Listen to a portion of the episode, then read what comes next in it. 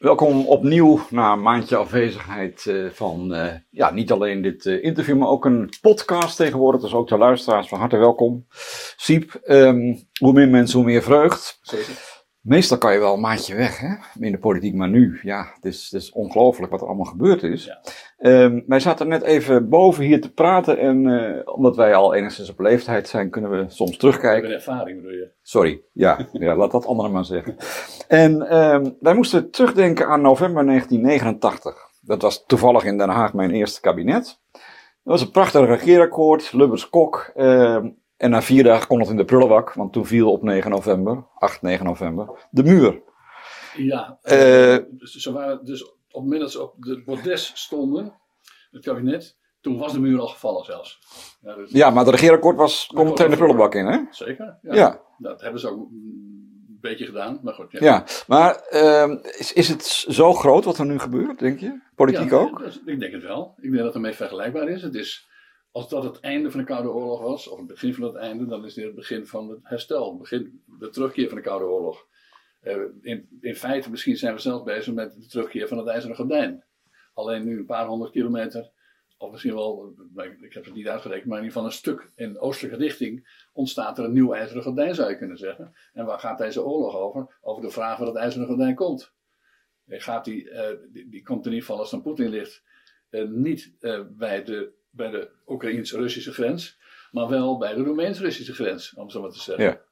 Eh, of misschien, dat weten we nog niet, eh, eh, ergens ertussenin. Maar dan voor het gemak ga je er nu even vanuit dat Rusland Oekraïne bezet houdt. Want Of in ieder geval delen van Oekraïne bezet Ja. wordt. Ja. ja, dat grote Russische Rijk onderin en dan de rest westers. Ja, ja. Nou, en kijk hoe het ook afloopt. In ieder geval, de, de, de tegenstellingen van nu, dus van maart eh, 2022, die zijn vergelijkbaar met de tegenstellingen van het dieptepunt van de Koude Oorlog. Ja, maar misschien met het verschil dat uh, toen iedereen er eigenlijk stilzwijgend van uitging dat, dat niemand als eerste op de rode knop zou drukken. Hmm. Hè, die, die wederzijdse afschrikking. Hmm. Uh, terwijl we nu toch, of veel mensen in Nederland en ook in de politiek denken, we, we hebben geen idee wat die man gaat doen. Dat is waar, maar de openheid waarmee hij gedreigd heeft met het kernwapen, en nog voordat hij het zelf deed, notabene, notabene zou ik willen zeggen, de ambassadeur, Poetins ambassadeur in Den Haag, al dreigde dat als- ja. dat als wij 100, eh, zo- 100 geweren zouden sturen naar Oekraïne, dat wij dan het gevaar liepen een kernoorlog te beginnen. Ja. Ik bedoel, kennelijk was dat een heel di- diplomatieke core van, eh, van, van de Russische Federatie al, al eh, normaal om daar over een kernoorlog te Ja. beginnen. Nee, maar ik wilde de- in de jaren eh 40 tot, tot en met 89 was er een zekere voorspelbaarheid. Behalve dan in 62, maar dat Ja. was, hè, je is kon op elkaar rekenen in de vijandschap bijna. Zeker, nou ja, dat was in de jaren 60 echt nog niet zo, maar nadien eh, werd de. Het was, we, hebben natuurlijk de rare situatie meegemaakt dat in de eerste helft van de jaren 80 en eind jaren 70 voortdurend die massale eh, demonstraties werden gehouden. Ja. Ten gunste van de Russen, kun je bijna wel zeggen. In de veronderstelling dat de Rus een vreedzame eh, figuur was. Een Dus Russische- toen, wa- toen waren we al naïef, zeg je? Of, nou ja, zeker, natuurlijk waren Ja. we dat. Ster- Sterker nog, eh, eh, dus dat bijna een groot deel van de politieke partijen die riepen, en, en dus bij die demonstratie werd het ook geroepen van, van liever een, een Rus in de keuken dan een kruisraket in de tuin of voor een ja, Eh met dat figuurtje zo op zijn rug, ja. precies. Ja. Nou, en er- lopen dus nu mensen uit de wereld van GroenLinks en zo, die dat destijds natuurlijk allemaal mee demonstreren, hoewel GroenLinks als zodanig nog niet bestond, eh, die nu zeggen, precies het omgekeerde zeggen, van liever... eh, Nou ja, die zelfs de defensieuitgaven willen verhogen, Zeker, hè? Jesse zeker, Klaver. zeker, Dus, eh, ja. dus, maar, maar dus, eh, eh, dus in die zin is het gevoel van onveiligheid haast dieper dan tijdens een groot deel van de Koude Oorlog. Eh, ik merk dat ook aan mensen die nog weer wat ouder zijn dan ik zelf, eh, dat daar echt heel veel, eh, dat er echt eh, eh, dramatische doemideeën bestaan, eh, waarbij de bom echt terug is, zal ik maar zeggen. En op een manier die, die we in de latere jaren van de Koude Oorlog eh, dus nadat die demonstraties weg waren, kreeg je Gorbachev. Nou, dat was een tandeloos Rusland, kun je zeggen. Eh, daar, daar, daar gingen wij, eh, dat hebben we natuurlijk ook wat vernederd en daarmee misschien munitie aangeleverd. Maar goed, ik zou willen zeggen dat, dat dit vergelijkbaar is met de, met de Cuba-crisis van 1962. Ja, er wordt ook wel gezegd dat uh, Poetin aan fantoompijn leidt. Hè? Als oud-spion wil hij terug naar het, het, grote Russische Rijk, wat natuurlijk de Sovjet-Unie in feite was. Uh, nou nee, hij, gaat, uh, hij is natuurlijk lange tijd heeft hij gezegd, was zijn vaste riedel, dat dat was de, het, het invallen van de Sovjet-Unie en de val, het einde van de Sovjet-Unie was de grootste ramp van de 20e eeuw. Ja. Maar in zijn laatste spreekbeurt, ook de spreekbeurt waarin die, de, de reden waarin hij de, in feite deze oorlog heeft aankondigd, wat was het? Uh, dus de maandag voor 24 februari. Ja. Uh, die heb ik uh, helemaal gefileerd om deze reden. En daarin zie je wat hij daarvoor ook wel gezegd heeft. Dan gaat hij eigenlijk terug naar 1917. Dan, wijt hij, dan, dan verwijt hij Lenin, en dus eigenlijk de Bolsjewieken in het algemeen, dat zij het grote Tsarenrijk, dat noemt hij zelf niet zo, maar dat komt neer, het Russisch imperium, het ondeelbare Russisch imperium, onderuit heeft gehaald. Ja. Uh, dus uh, hij wil in feite terug naar de Tsaren-tijd. Niet in alle opzichten misschien, maar wel uh, naar, terug naar het, het ondeelbare imperium van het Tsaren. Zoals dat maar is dat ook het verschil met het Westen? Misschien een beetje simplistisch gezegd, dat, dat de Russen weinig ervaring met democratie hebben en dus zich wel thuis voelen bij zo'n sterke man. Of het nou een tsaar is, of Stalin, of uh, Brezhnev. Ja, misschien is dat zo, maar de Russen hebben niet gekozen voor deze sterke man in die zin. Hè? Nou ja, hij is formeel is die gekozen, maar ja. Ja, nee, akkoord, maar ik bedoel, je kunt niet echt van, van, een, van een, een democratie spreken zoals die bedoeld is. Uh, dus hij gedraagt zich natuurlijk als een, als een dictator, uh, tsaar, autocraat, hoe je het wilt noemen. Uh, en het is bijna een eenmansregime als je, het, als je de analisten moet horen, de kremlinologen van nu uh, moet horen. Maar ik geloof niet dat, de, dat, dat, dat je kunt zeggen dat dit de diepste wens is van veel Russen, dat er, dat, dat imperium hersteld wordt. Die willen gewoon een rustig leven. Ja. En, en, en, en, zoals iedere burger dat in de hele wereld eigenlijk wil. En zeker zij willen ze rust, regelmaat, veiligheid. En nou ja, en da daar ontleent natuurlijk, dat moet je wel zeggen, daar ontleent Poetin wel zijn originele populariteit aan. Hè? Want hij heeft natuurlijk. Ja, na de Yeltsin-jaren. Ja, maar ook dus eerst na de, de ondergang van de Sovjet-Unie was ook geen feest in Rusland. Uh, uh, toen de Yeltsin-jaren uh, en Gorbachev, die natuurlijk ook niet populair was, omdat hij het aanzien van, van Rusland en de Sovjet-Unie in de wereld om zeepje op naar, naar Russisch idee. dus in zijn eerste jaren was hij om die reden uh, was hij gewoon populair. Maar niet populair omdat hij het Zarenrijk wilde herstellen. Hij was nog meer populair omdat de economie bloeide. En dat nou ja, onze premiers liepen daar ook de deur plat. Balken en de, die heeft daar dat Gazprom-contract gesloten. Ja. En dat, was, hij was helemaal niet omstreden toen. Uh, 2006, 2007. Nee, nou ja, kijk, uh, Rutte die heeft nog in 2011, als ik het wel heb, de aankoop, de, de deelaankoop van Nord Stream 1 geregeld. En dus toen waren we al een stukje verder. Toen hadden we de inval van, van, van, van Poetin in Georgië hadden we al achter de rug bijvoorbeeld. Ja, ja. Uh, maar ze deden de hele tijd, uh, net zoals Duitsland het deed, uh, dat gas was niet politiek, vonden ze. Daar kwam ze beter uit. Ja, even voordat we ons eigen land vergeten, over rust en reinheid gesproken. Um, je hebt natuurlijk de bevolking die ongerust is, maar de politiek zal een antwoord moeten vinden. En Kaag en, en Boekstra hebben al gezegd, we gaan dat niet wachten op de voorjaarsnota. Dat komt binnen enkele weken komen met een plan. Wat, wat kunnen ze doen om die bevolking uh, gerust te stellen? De Nederlandse bevolking? Nou ja, ze zullen uh, dingen doen. En de vraag is of dat allemaal nuttig is en ergens toe leidt. Dus wat we weten is dat, en dat ligt in lijn met de optocht die sinds, sinds, sinds kort in het hele Binnenhof uh, rondtrekt dat op één of twee partijen na is iedereen het over eens. De, ook partij, de pacifistische partij, uh, partijen van vroeger, die zijn binnen een paar weken ook totaal om. Uh, dus dat, er komt in ieder geval meer defensieuitgaven. Ja, en daar bovenop, bovenop het regeerakkoord nog, hè? Zeker. Ja. zeker, zeker. En er zat al 3 miljard in, dus... Ja, dus als je dat optelt, als je kijkt naar de huidige uitgaven, even naar mijn hoofd, dan is het nu ongeveer 12,5 miljard. En als we dat willen verhogen naar die 2%. Die NAVO-norm. Ja. Precies, dat is dus inclusief wat in het regeerakkoord staat en wat ze nu extra zouden willen doen. Dan komt dat neer op, zeg ik in mijn hoofd, 17,5 miljard. Ja, 5,5 erbij. Ja, ja dus, dus, zoiets. Maar ja, het, het, probleem is een beetje met die dingen. Het is net als met die onderwijsgelden. Je kan wel miljarden ergens inpompen. Ja. Maar als je geen personeel hebt, geen materieel, geen opleiding, dan, dan zegt het Centraal Planbureau. Uh, dan is dat eigenlijk zinloos. En nu komt er nog extra bij. Ik wil, in, in hoeverre is die politiek dan met een soort symboolpolitiek nou, bezig? Dat, bijna altijd, hè? Dus, Oké. Okay. Dus, dus uh, altijd uh, een makkelijke manier om je, om je goede bedoelingen, of je oprechte bedoelingen uit te drukken, en dan doe je dat in miljarden. Ja. En liefst afgeronde cijfers. dus zoals we ook in het regeerakkoord zien met de stikstof van 25 miljard en met het klimaat van Ja, ja. 35 miljard. Nou ja, dus dat is dezelfde manie die hier een beetje achter zit.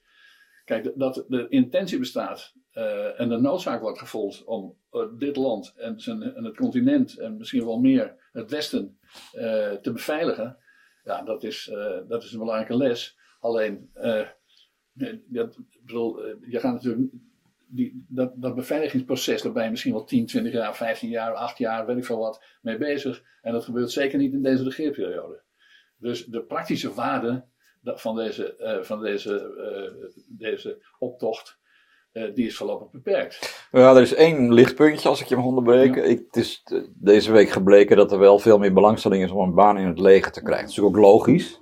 Maar dat zou natuurlijk wel helpen om, om die miljarden weg te zetten. Want je moet natuurlijk wel de soldaten hebben. Nou ja, dat helpt in ieder geval om die soldaten te betalen van die soldaten. er is een tekort van 8000 eh, mensen nu voor het, voor het bestaande leger. Nou, als we daar nog, eh, als we dat, het leger dus met een derde, wat zeg ik, met de helft uitbreiden ongeveer. Van een derde tot de helft uitbreiden, dat komt op neer, hè.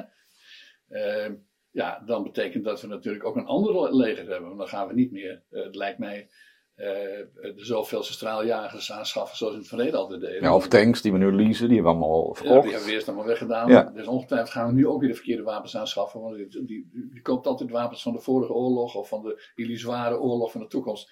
Maar goed, whatever. Eh, eh, voor de wapenindustrie is het fantastisch. Die prijzen gaan natuurlijk ook, ook omhoog. Ja. Dus wat je praktisch terug, misschien is een tank, eh, kost nu 10 miljoen, ik weet het niet, maar laten we zo zeggen. Als die tot dus 10 miljoen kost, dan kost hij natuurlijk binnenkort 15. Maar ja, dat zijn vooral Amerikaanse en eh, Russische en Chinese bedrijven. En Franse met name. Ik denk dat Nederland daar niet zo echt in zit, toch? Of- De Nederlandse eh, militaire export is aanzienlijk. Ja? Ja. Oké. Ja, dat is de, ik, ik- uit mijn hoofd hoor, maar ik dacht van, laten we zeggen, de, de tiende of zo wapenexporteur van de wereld. Oh, oké. Maar Ja. dat zit meer in de wereld van de elektronica en de, Ja. Als dat nog bestaat. Maar goed, er zijn eh, hoe dat Delft-achtige bedrijven, zal ik maar zeggen. Ja, vroeger de nachtkijkers, zou ik maar zeggen. Ja. ja. Oké, eh, maar, maar dat, dat geld, als je dat nou niet kan wegzetten, wat gebeurt er dan mee? Wordt daar dan onzin mee? eh, ik bedoel, het moet wel uitgegeven worden. Eh, zeker. Eh, maar voor een deel kan het dus eh, erop neerkomen dat dat papier geld wordt. Dat een papieren doel wordt om geld uit te geven. Ja. En dat ongetwijfeld gaan het ook al verkeerde dingen uitgegeven worden. Want ten- niet ten onrechte, er staan de mensen de afgelopen weken te spotten. Dat hetzelfde defensie van ons eh, de afgelopen tijd drukker was met diversiteit en inclusiviteit. eh, dan met de het beveiligen van het land en, eh, en, het, en de bondgenootschap. Ja. Dus dat gaat nu ook gebeuren. Als er veel geld is, dan wordt het ook aan verkeerde dingen uitgegeven. Nou ja, en bovendien, de, hele wereld en, en Nederland denk ik ook, is, is wel een beetje klaar met humanitaire vredesmissies. Hè? Of, of Ja. interventies zoals in Afghanistan. ja. Dus En misschien is het aardig om daar nog eentje, een- even een, een, een anekdotische illustratie aan toe te voegen. Eh, wat eh, Poetin steeds doet als hij ergens binnenvalt, eh, of het nou Georgië is, of in Kazachstan eind vorig jaar, en nu in Oezbekistan, is het altijd een vredesoperatie. ja, Dat is en dat doet hij natuurlijk ik bedoel, met al zijn cynisme fantastisch. Want daarmee geeft hij aan dat al die operaties die het Westen altijd pleegt, waaronder Nederland, die altijd ook vredesmissies heten, natuurlijk ook niet altijd een vredesmissie zijn, die, Ja. die naam. Dus we hebben onszelf ook een rad voor ogen zitten draaien met ons vredesverhaal. En zeker in Nederland. Dus als de Amerikanen weer eens ergens aan een avontuur begonnen, dan noemen wij dat een vredesmissie, terwijl het voor de Amerikanen helemaal geen vredesmissie was. ja er is, als ik één nuance mag maken, er is natuurlijk wel een verschil tussen een, een eenzijdige interventie van Rusland of een door de Veiligheidsraad of de, de VN gelegitimeerde Ja, nee, nee, nee. actie. Hè? Dus, Zeker, maar, bedoel, maar, maar- zeker. Maar als, als je belangrijkste vijand op dit moment en de grootste vijand in decennia, eh, te weten Vladimir Poetin, eh stevast het begrip eh, eh, de vredesmissie gebruikt voor zijn eh, invasies, dan moet je na gaan denken, dan, moet je dan bij jezelf te raden moeten wij een ander vocabulaire gaan. eh, Op zijn minst. ja.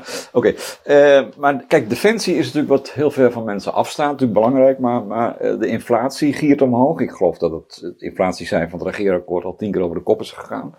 Hè, ik bedoel, hoe, hoe kan deze regering ingrijpen zonder dat je de mensen die het niet nodig hebben ook weer spekt? Want dat gebeurt nu via die belastingkorting op de energieprijzen. Ja.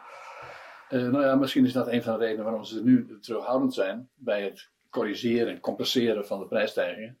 Eh, er zit trouwens ook een cynisch element in dat, in dat, eh, in, dat in, het, in het compenseren van de gasprijzen, hè, want dat is Ja. wat ze al gedaan hebben.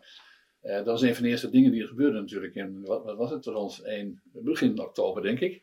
Heeft het oude kabinet nog 3,5 miljard ongeveer uitgetrokken om de, de, de prijsstijging van het gas te compenseren.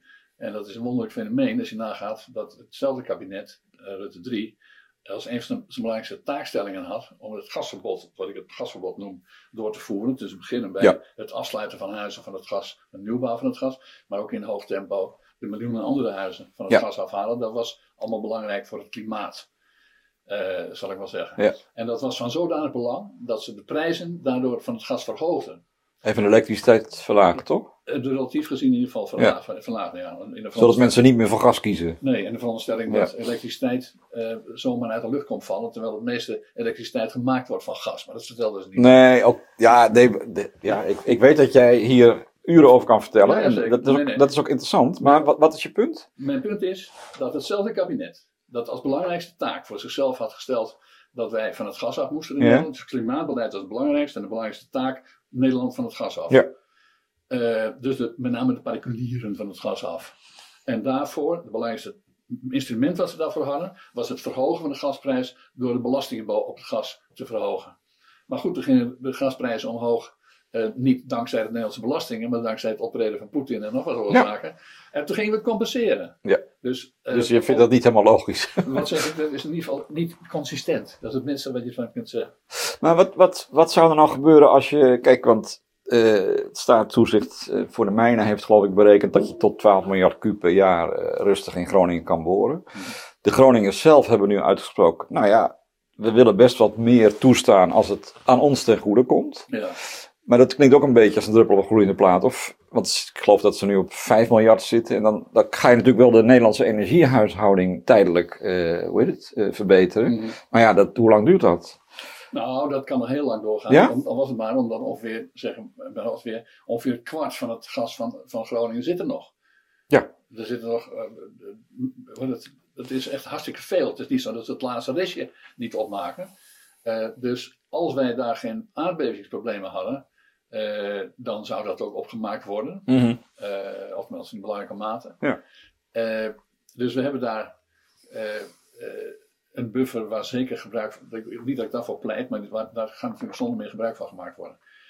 Wat wel een, een, van Nederland in ieder geval min of meer prettige omstandigheid is, is dat wij zeer weinig afhankelijk zijn van de Rus. Wat wij voor hebben als Nederland, eh, in vergelijking met buurlanden en, en zeker Oost-Europese landen, is dat wij niet zo afhankelijk zijn van het Russische gas. Ja. Eh, dus dat is ongeveer 15% van onze gas, wordt het, eh, onze gasconsumptie. Er komt wel meer het land binnen, maar dat, dat, dat geven we dan weer door naar de, de, Engelsen en zo. Dus dat is, die 15% is niet zoveel dat als er een probleem zou komen, bijvoorbeeld dat Poetin zegt van jullie krijgen geen gas meer, dat wij daardoor in een probleem zouden komen. En dat is aan te vullen op andere manieren. Ja. Met schepen, met, via schepen bijvoorbeeld. Eh, en misschien een beetje eh zuinig aan. Zou ik nog kunnen. Ja. Maar, eh, maar voor de rest van Europa geldt het natuurlijk niet. Eh, dus eh, mocht het daar naartoe komen, en dat lijkt me helemaal niet, geen illusie. Dat is, de, dat is natuurlijk de zwaarste sanctie die hij kan uitdelen. Dus Ja, wij, er, wordt, er, wordt, er wordt hier wel eens gedreigd van ja, we gaan Poetin pakken door, door geen gas meer af te nemen. Maar goed, hij kan ons ook pakken door te stoppen met de gas. eh, Ja, maar heeft, dan heeft hij toch geen geld meer voor zijn invasie? Of? nou, maar dan heeft hij, dat zou kunnen. Maar hij heeft een geweldige eh, eh, financiële voorraad Ja. waarmee hij anderhalf jaar minstens vooruit kan. Ja, precies. Ja. Dus, eh, en tegen die tijd zal, mag je hopen dat de oorlog in ieder geval niet meer op deze manier doorgaat. Maar goed. Zeg, eh Siep, ik weet niet, het ontgaat mij bijna, maar er zijn gemeenteraadsverkiezingen Ja. eh, op 16 maart. Ja, Ehm, en nou zat ik eh, afgelopen vrijdag even te luisteren naar het Radio 1 debat. Ja. Dat is meestal het startschot van een campagne. ja. Er is nu geen campagne. Nee, het, het, is zelden, zelden stil op straat als dat debat wordt gehouden. Nou, ik moet nog even voor mijn radiocollega's op. Ja, nee, natuurlijk. Ja. Nee, dat was een prima debat. Alleen zij zeiden zelf al dat het eerste half uur ging over Oekraïne. Ja. En dat geldt misschien voor de kiezers ook. Of Ja. denk je dat kiezers toch die knop kunnen omdraaien? Nee, nee. de- Oekraïne is zo groot in alle opzichten. eh, dat, dit, dat dat alles bepalend is. En ook in die zin dat gemeenteraadsverkiezingen niet leven. Die leven toch vaak al niet. Maar ik verwacht dat de opkomst lager dan ooit wordt. Om de eenvoudige reden dat, eh, dat je niet over een, eh, weet ik veel, een zebrapad gaat zitten stemmen. Als daar de wereld in vlam staat, zou ik maar zeggen. Dus uh, de belangstelling voor die verkiezingen zal erg laag zijn, is mijn voorspelling. Uh, dus de laagste opkomst ooit, veronderstel ik. Uh, wel kunnen we nu al zien in de peilingen, en je ziet het trouwens ook in Frankrijk, waar mm. zie je dat Macron, die, die, die, is, die doet het veel beter dan de afgelopen maanden het doet. Dus je krijgt hetzelfde effect als twee... Precies, ja. hetzelfde effect als twee jaar geleden bij corona. Het begin van corona moet ik wel bij zeggen. Dat Mark Rutte en de VVD het ontzettend goed deden. Uh, ja, er was een commentator die schrijft, die man heeft ook altijd mazzel. Ja, dat klinkt heel cynisch nu, maar ja. het is, is wel zo. Nou ja, kijk, nou ja, in die zin zou je kunnen zeggen, kijk, uh, eerder heeft hij uh, verondersteld, wordt dus in 2016 was het verkiezingen? 17. 17. Ja. toen is hij erg geholpen door, door het feit dat hij ruzie had met Erdogan. En Erdogan stuurde hier toen nog even minister ministers hierheen. Ja. En dat iedereen, iedereen vond dat er daadkrachtig was opgetreden van deze kant. En dat werd allemaal verondersteld dat Rutte dat gedaan heeft. Wat ook nog twijfelachtig is. Maar goed. landelijke verkiezingen trouwens. Waren landelijke verkiezingen, zeker landelijke verkiezingen. Maar goed, we, we, kwamen op het pad van Rutte, heeft altijd uh, geluk.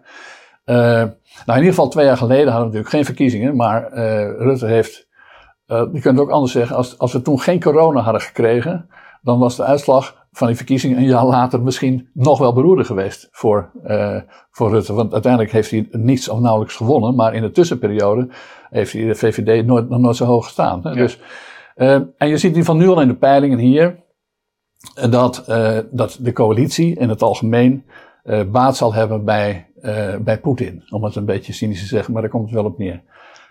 dat, een kausaal verband is natuurlijk verder niet, maar uh, dat mensen stabiliteit willen, zekerheid. Uh. Ja, en, en, en, en over, zeker. Eh, dus de, de, de, macht, de zittende macht heeft daar baat bij zulke omstandigheden. Als een externe vijand is, dan, dan groepeert men zich rond de koningin, Wilhelmina. Uh, vroeger. Dat is al heel lang geleden. Nou, ja. maar goed. dus voor de zittende macht is het uitstekend als het een externe vijand is, dat kun je zo zeggen. En volgens Maurice de Hond, uh, die vandaag, we zijn nu een dag of tien voor de, de, de, de gemeenteraadsverkiezingen, zag je dat alle vier de coalitiepartijen groeiden. En de lokale partijen, zei hij. En de lokale, maar de lokale partijen, dat is een ander effect, naar mijn stellige overtuiging. Dat was namelijk al duidelijk. dus het, de, de populariteit van de nieuwe coalitie was zo beperkt. En, en van partijen überhaupt eigenlijk. in ieder geval iedereen die regeerde of zou kunnen regeren, die, uh, die heeft te lijden. Ja, maar jij zei net even over die, die zebrapaden, dat het daar niet over gaat. Maar juist de mensen die voor één belang stemmen, wild, windmolens, zebrapaden, een school, die kiezen vaak lokaal, omdat die zo, tenminste dat zeggen ze, ja. opkomen voor die concrete problemen. Zeker, dus... maar, maar, maar de, de, de, de grote opkomst van de lokale partijen, die was al zichtbaar voordat Poetin toesloeg.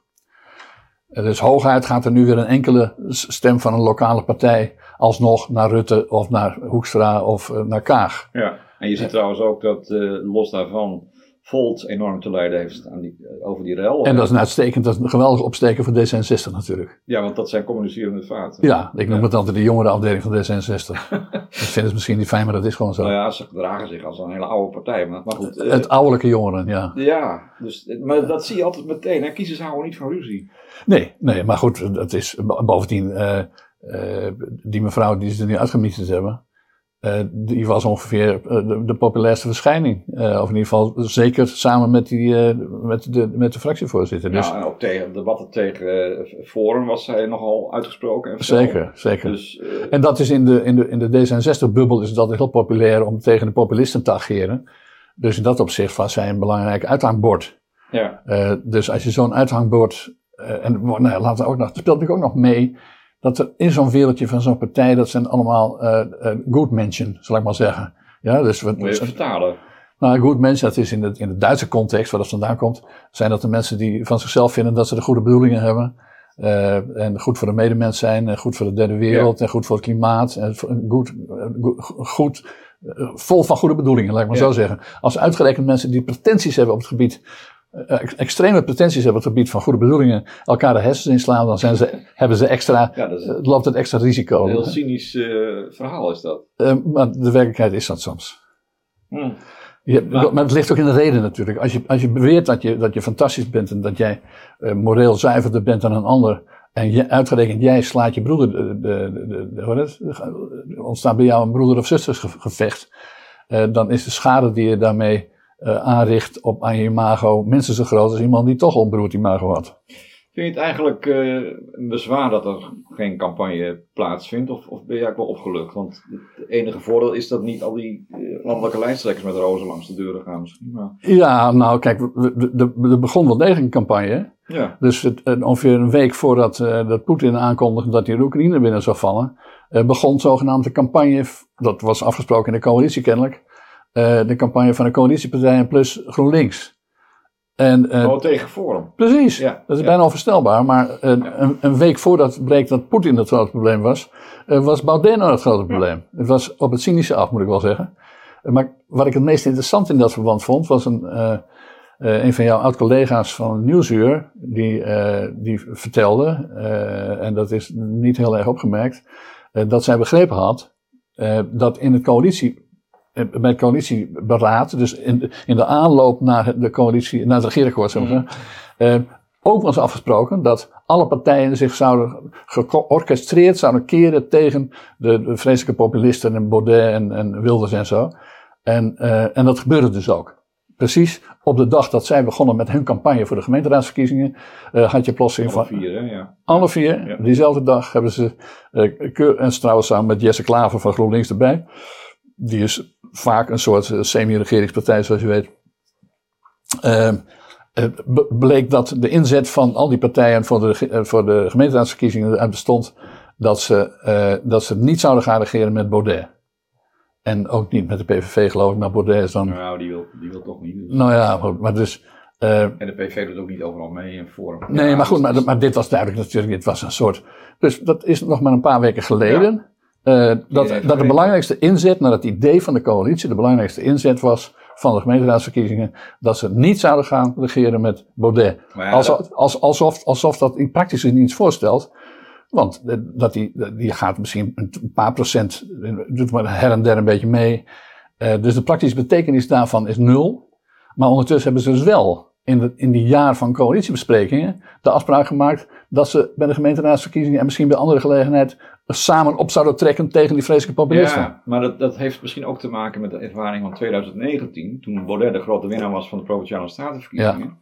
En het in het zuiden met name in een aantal provincies niet erg opschoot met dat regeren van uh, Forum. Ja. Dus ja, dat was ook makkelijk. Niemand dacht ook van, goh, die gaan massaal meeregeren. Maar eerlijk gezegd denk ik dat het, de praktische betekenis hiervan nul is. Ja. Dat het voornamelijk uh, onderdeel uitmaakt van al de, al de, uh, de goede daden die gegund zijn aan mevrouw Kaag. Want zij is natuurlijk, Christen misschien ook een beetje, maar zeker ja, D66... sinds Pechtold al hebben ze, maken ze natuurlijk het ageren tegen populisten die ze dan ook vaak wel extreem rechts noemen. Uh, misschien zijn ze het ook, dat weet ik helemaal niet, daar gaat het nu even niet over. Maar D66 heeft in ieder geval een, daar een centraal campagnethema van gemaakt.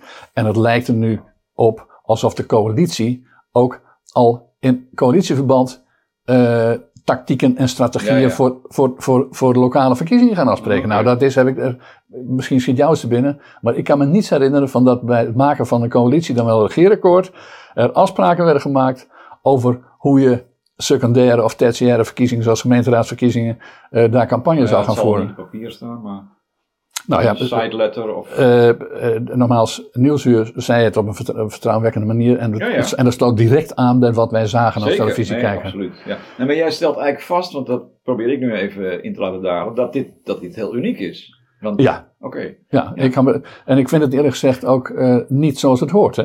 Ik bedoel, het is al wat dat we, dat we, dat we een jaar lang vergaderen over hoe een kabinet eruit moet zien en wat er in het regeerakkoord moet staan. Maar als je dan uh, dat die onderhandeling ook nog gebruikt voor allerlei nevenactiviteiten, te weten de, de electorale strategieën bij andere gelegenheden. Dat lijkt me niet bedoeld. Ik bedoel, dat is niet zoals democratie bedoeld is, naar mijn idee. Okay.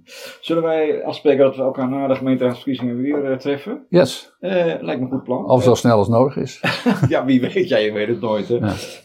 en moet jij nog iets zeggen over die podcast-abonnementen? Want dat weet ik zelf allemaal niet. Maar... Nee, podcast is. of is het vrij? De, de, de, rest van het land luistert permanent naar podcasts. Alleen jij en ik nog niet misschien. Jawel. Ah, ja, oké. Nee, nee. We maken er nu ook één, ja. Zo is het. Uh, dus uh, ik kijk nu in de camera en, uh, maar dat heeft de, de podcastluisteraar niks aan, maar Uh, Week heeft sinds kort ook dus uh, de, allerlei podcastfaciliteiten. En alles wat we hier uh, on camera doen, dat is ook als podcast beschikbaar. Zoals het gesprek wat we nu net hebben gevoerd. Oké, okay. tot de volgende keer. Yes. Dank je.